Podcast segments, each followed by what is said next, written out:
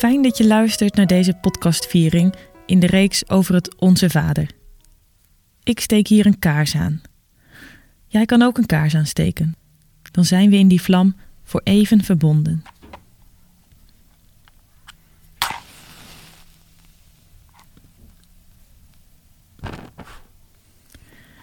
Nu de kaars brandt, wil ik je begroeten. Ik begroet je in de naam van God die ooit sprak: Er zij licht. En het was er. En ik wil je begroeten in de naam van Jezus, Gods licht in de duisternis. En ik wil je begroeten in de naam van de Heilige Geest, die mensen aan het licht brengt. Amen.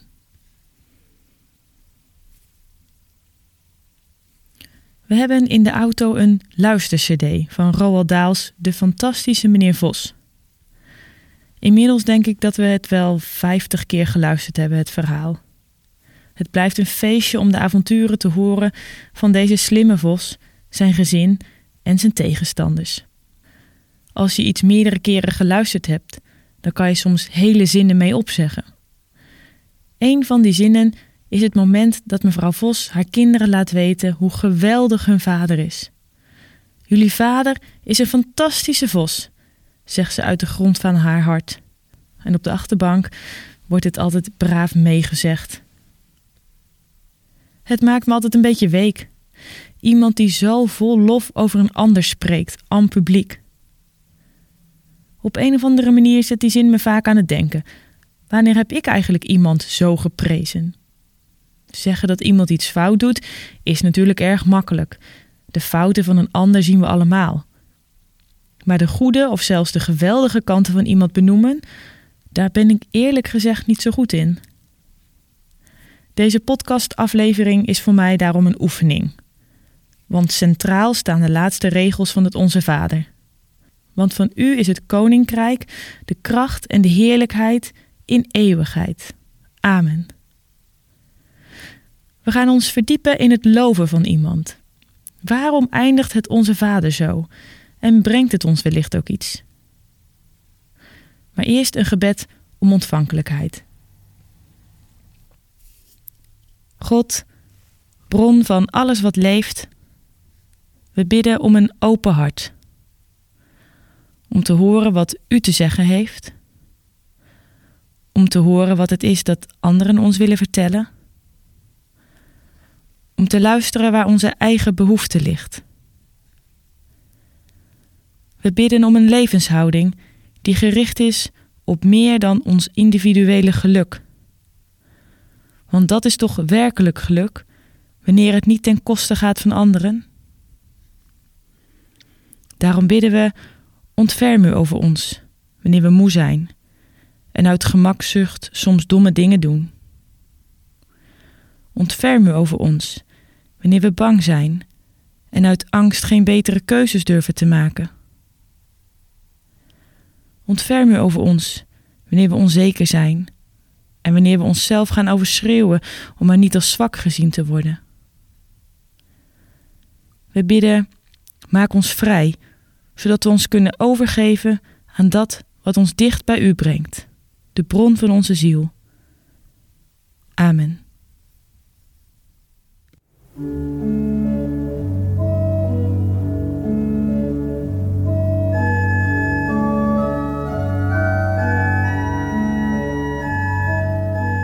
We gaan luisteren naar een gedeelte uit de Bijbel dat past bij de tijd van het jaar waarin deze podcast is opgenomen.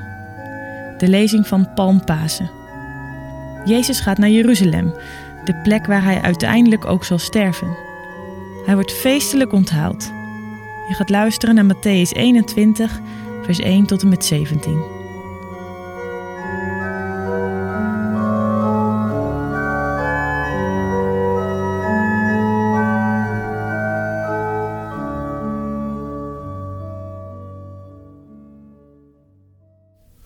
Toen ze Jeruzalem naderden en bij Betfage op de Olijfberg kwamen, stuurde Jezus er twee leerlingen op uit.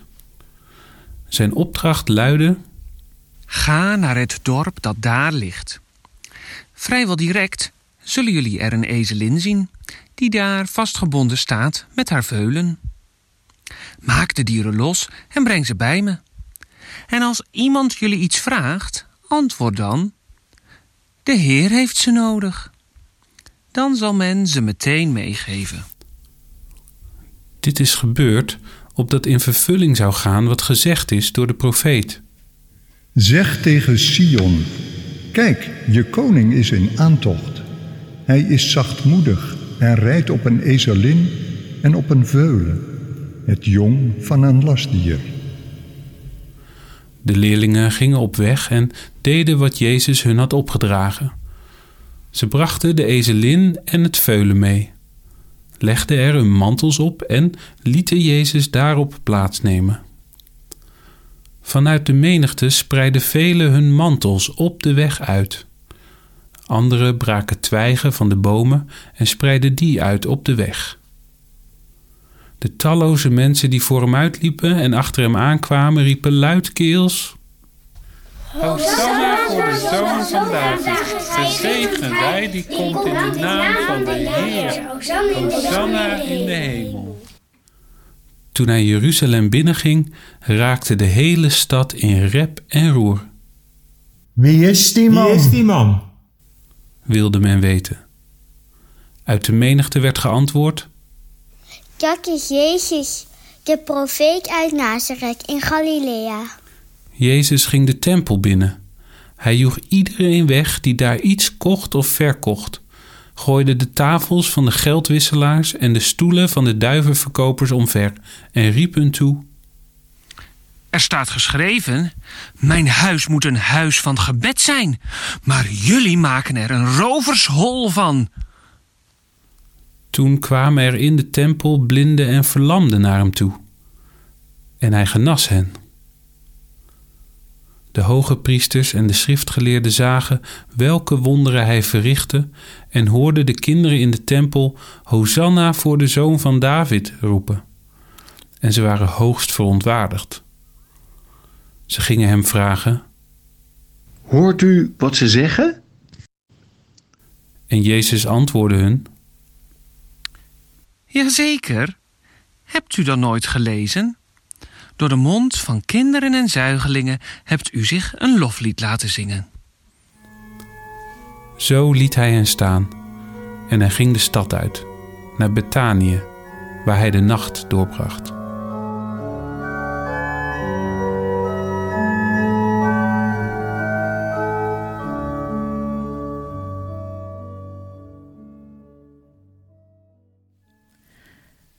Dit is dus de laatste aflevering van de podcastserie over het Onze Vader. Het gebed dat al zuchtend, juichend, huilend en verlangend gebeden wordt in een mensenleven.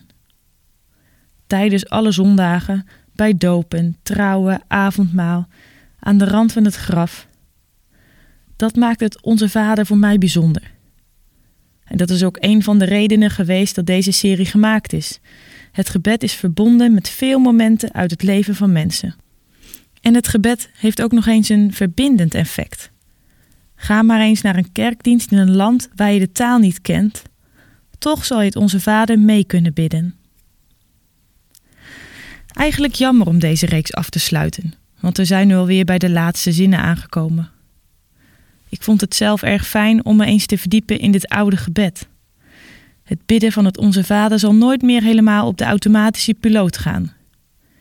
In mijn achterhoofd zullen verschillende dingen meeklinken. De krachtige paradox van het christendom, een God die heilig en ver weg is, maar ook als een vader zo betrokken en vol liefde. De naam van God, ik ben er of ik zal er zijn. En hoe er in dit gebed om verlossing wordt gebeden, van de zorgen om morgen, het kwaad dat ons is aangedaan of de schuld die we hebben, van alles wat ons maar in de greep kan houden en onvrij maakt. En dan vandaag die laatste regels. Want van u is het koninkrijk en de kracht en de heerlijkheid in eeuwigheid. Ik heb het altijd krachtige woorden gevonden: koninkrijk, kracht, heerlijkheid, eeuwigheid. Het is een stevige lofuiting.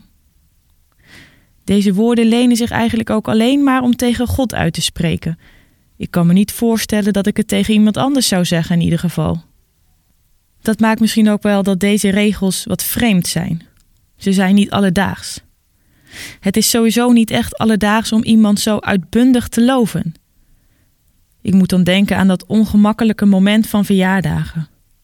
Als iemand het lang zal zijn leven heeft ingezet en iedereen dan mee moet doen en tegelijkertijd hyper de piep hoera moet roepen. Het heeft denk ik te maken met dat het niet spontaan is. Iemand een compliment geven, want dat is toch wat loven in het klein is, moet toch vanuit je hart komen opborrelen en gemeend zijn? De lofprijzing in het Onze Vader zou je zo kunnen ervaren, alsof je God elke keer hetzelfde compliment geeft. Toch denk ik dat als we ons erin verdiepen, dat je er ook anders tegenaan kunt kijken. Laten we maar eens gaan beginnen. De laatste zinnen van het Onze Vader beginnen met een opvallend woordje. Het woordje dat laat weten dat wat er nu gezegd gaat worden verbonden is met dat wat hiervoor gezegd is. Het woordje want. Dat woordje laat zien dat de lofprijzing de reden is waarom je God kan vragen wat je gevraagd hebt. Je zegt daarmee dus: Wilt u ons elke dag te eten geven? Wilt u ons vergeven? Wilt u ons redden uit de greep van het kwaad? We vragen dit omdat u zo machtig bent. Er is niemand anders aan wie wij dit kunnen vragen. De lofprijzing maakt God groot en tegelijk onszelf ook een beetje kleiner.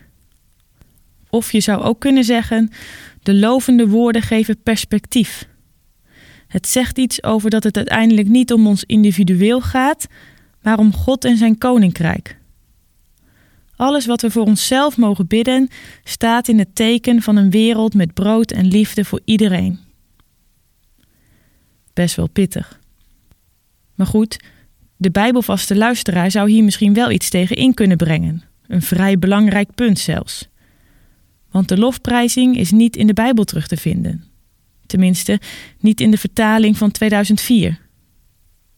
Na de bede om gered te worden uit de greep van het kwaad staat er een klein voetnootje waarin staat: Andere handschriften lezen, want aan u behoort het koningschap, de macht en de majesteit tot in eeuwigheid. Amen. Er is dus wel iets met die lofprijzing. En dat iets is dat de Bijbelwetenschap zegt dat de lovende woorden later zijn toegevoegd aan de tekst en dus niet oorspronkelijk zijn opgeschreven door Matthäus. In de oudere vertalingen staat het nog wel in de tekst, bijvoorbeeld in de Statenvertaling. Maar nadat de Statenvertaling was geschreven, zijn er nog veel oudere handschriften van het Nieuwe Testament gevonden, en daar stond het niet in. Dat betekent dat het later is toegevoegd.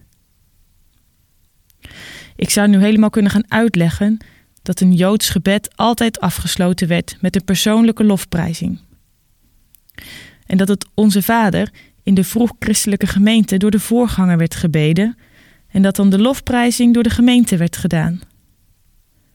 En dat Matthäus alleen de woorden van de voorganger opgeschreven heeft voor de lezers, want die afsluitende lofprijzing, die wisten ze wel of mochten ze persoonlijk invullen. En dan zou ik vertellen dat de mensen die het Nieuwe Testament overgeschreven hebben, het er op een gegeven moment bij hebben geschreven, voor de duidelijkheid. En om het vooral ook nooit verloren te laten gaan. Want zo werkt traditie. Maar goed, wie weet vind je dit wel helemaal niet interessant. Sowieso is het niet echt materiaal voor je ziel. Wat belangrijk is om te onthouden, is dat het dus niet in de oorspronkelijke teksten van Matthäus staat, maar dat het wel aannemelijk is dat Jezus, toen hij zijn leerlingen dit gebed leerde, heeft afgesloten met een lofprijzing. Een lofprijzing horen we trouwens ook terug in de lezing uit Matthäus. Je hoorde Ben, Janne en Tom roepen als mensen uit Jeruzalem: Hosanna, gezegend hij die komt in de naam van de Heer. Een spontane lofprijzing, zeker. Maar ook dit loven is ongemakkelijk. Want Jezus wordt binnengehaald en toegezongen door dezelfde mensen die later roepen dat hij gekruisigd moet worden. In het Lucas-evangelie huilt Jezus bij deze intocht. En hij zegt: Jeruzalem, had je maar geweten wat vrede kan brengen. Maar dat blijft voor je verborgen. Ook nu. Dat wat vrede brengt, ligt in het verborgene. Dit zinnetje speelt de hele week al door mijn hoofd. Samen met een uitspraak van Jezus over bidden. Een uitspraak die hij deed vlak voordat hij zijn leerling het Onze Vader leert. Wanneer jullie bidden, zegt hij, doe dan niet als de huigelaars, die graag in de synagoge en op elke straathoek staan te bidden, zodat iedereen hen ziet. Ik verzeker jullie, zij hebben hun loon al ontvangen. Maar als jullie bidden, trek je dan in je huis terug, sluit de deur en bid tot je vader die in het verborgene is. En jullie vader, die in het verborgene ziet, zal je ervoor belonen. Misschien is dit wel de kern van waar het op aankomt bij bidden. Bidden doe je in het verborgene, want dat wat vrede brengt, ligt in het verborgene. In je hart, dat niemand anders kent dan jijzelf, kan je keuzes maken die tot vrede leiden. Daar gebeurt het. Of misschien beter gezegd, daar begint het. In het verborgene, wanneer jij zelf de strijd aangaat met die ene verslaving, wanneer jij zelf een begin maakt met het vergeven van mensen, wanneer jij zelf probeert minder zorgen te hebben en de dagen te nemen zoals ze komen. In het verborgene gebeuren de dingen die de toon zetten, die uitmaken. Dat is voor ons moderne mensen lastig. Want wij zijn gewend om de publiciteit op te zoeken, om van betekenis te zijn, om een influencer te zijn. Dan heb je het gehaald. Om actief te zijn op Facebook en Insta. Om een interessant LinkedIn-profiel te hebben. Dat wat je in de openbaarheid doet, lijkt er vooral toe te doen. Maar Jezus gooit de boel omver. Letterlijk zelfs. Hij gooit de tafels in de tempel omver en schreeuwt dat de tempel een plek moet zijn van gebed. Geen verkooppunt van dat wat je als mens beter op de kaart lijkt te zetten. Wat vrede brengt, ligt in het verborgene, zegt Jezus, als reactie op de juichende mensen in Jeruzalem. In het verborgene wordt het koninkrijk van God gebouwd. Wordt er aan vrede en vergeving gewerkt. Wordt er gezorgd en naar elkaar omgekeken. Ik denk dat dat uiteindelijk de lof is die God graag hoort en ziet. Ik had eerlijk gezegd ook niet helemaal gedacht dat ik met een overdenking over God prijzen en loven hierop uit zou komen. Dat het uiteindelijk een overdenking zou worden over wat er in de stilte in je hart gebeurt en dat dat een loflied voor God is. Ik moet nog een keer denken aan de vroeg-christelijke gemeentes, die het Onze Vader afsloten met een persoonlijk loflied. Niet zo'n gek idee. Zouden we toch eigenlijk moeten overnemen? Persoonlijk vanuit ons hart God loven. God loven in de verborgen plekken van ons binnenste. Of we zouden het in ieder geval voor ogen moeten houden, iedere keer wanneer wij het Onze Vader afsluiten met een loflied. Wat vrede brengt, ligt in het verborgene, waar geen mens het ziet, maar waar God het opmerkt. Amen.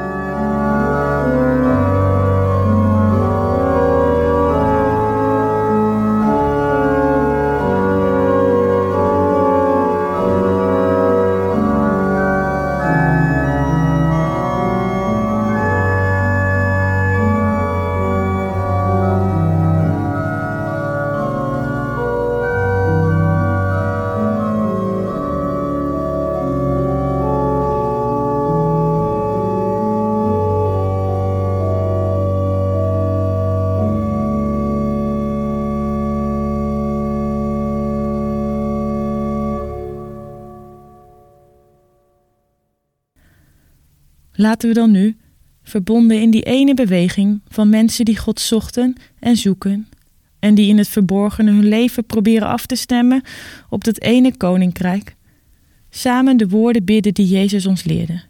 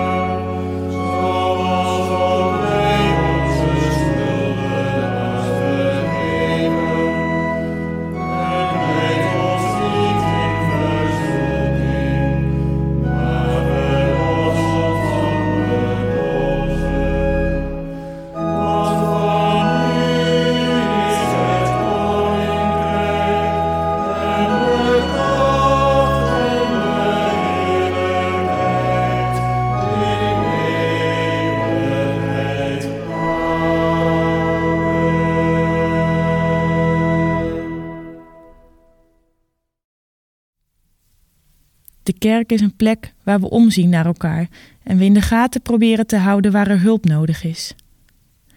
Daarom is er ook altijd een collecte.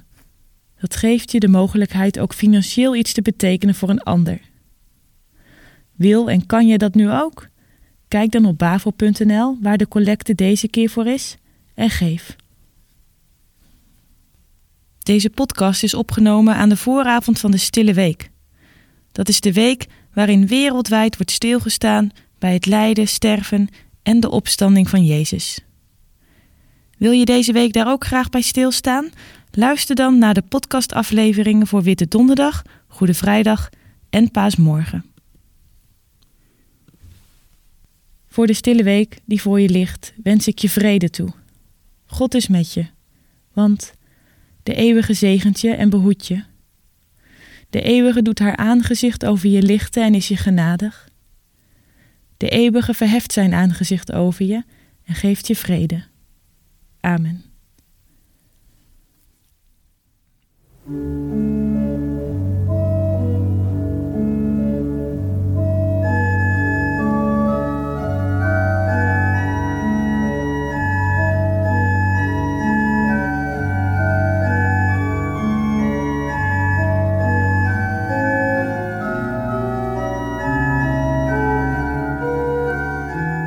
Aan deze podcastaflevering werkte mee dominee Tom de Haan als verteller. Hij is ook van de montage. Jeugdpastoor Peter van der Beek als Jezus. Teun de Vries als de stem van de profeet. Bas Romein en Piet Offringa, zij vertolkten de stemmen van de mensen in Jeruzalem. Dominee Echtbert de Lind gaf stem aan de hoogpriesters en schriftgeleerden. Daarnaast hoorde je de stemmen van Babette van Dijk en Janne en Ben de Haan. Je hoorde Anton Pauw op het Mulenorgel in de BAVO een bewerking van lied 550 en 556 spelen. De opnames werden gemaakt door Michel Zera. En je hoorde mij, ik ben dominee Willemijn van Dijk Heij.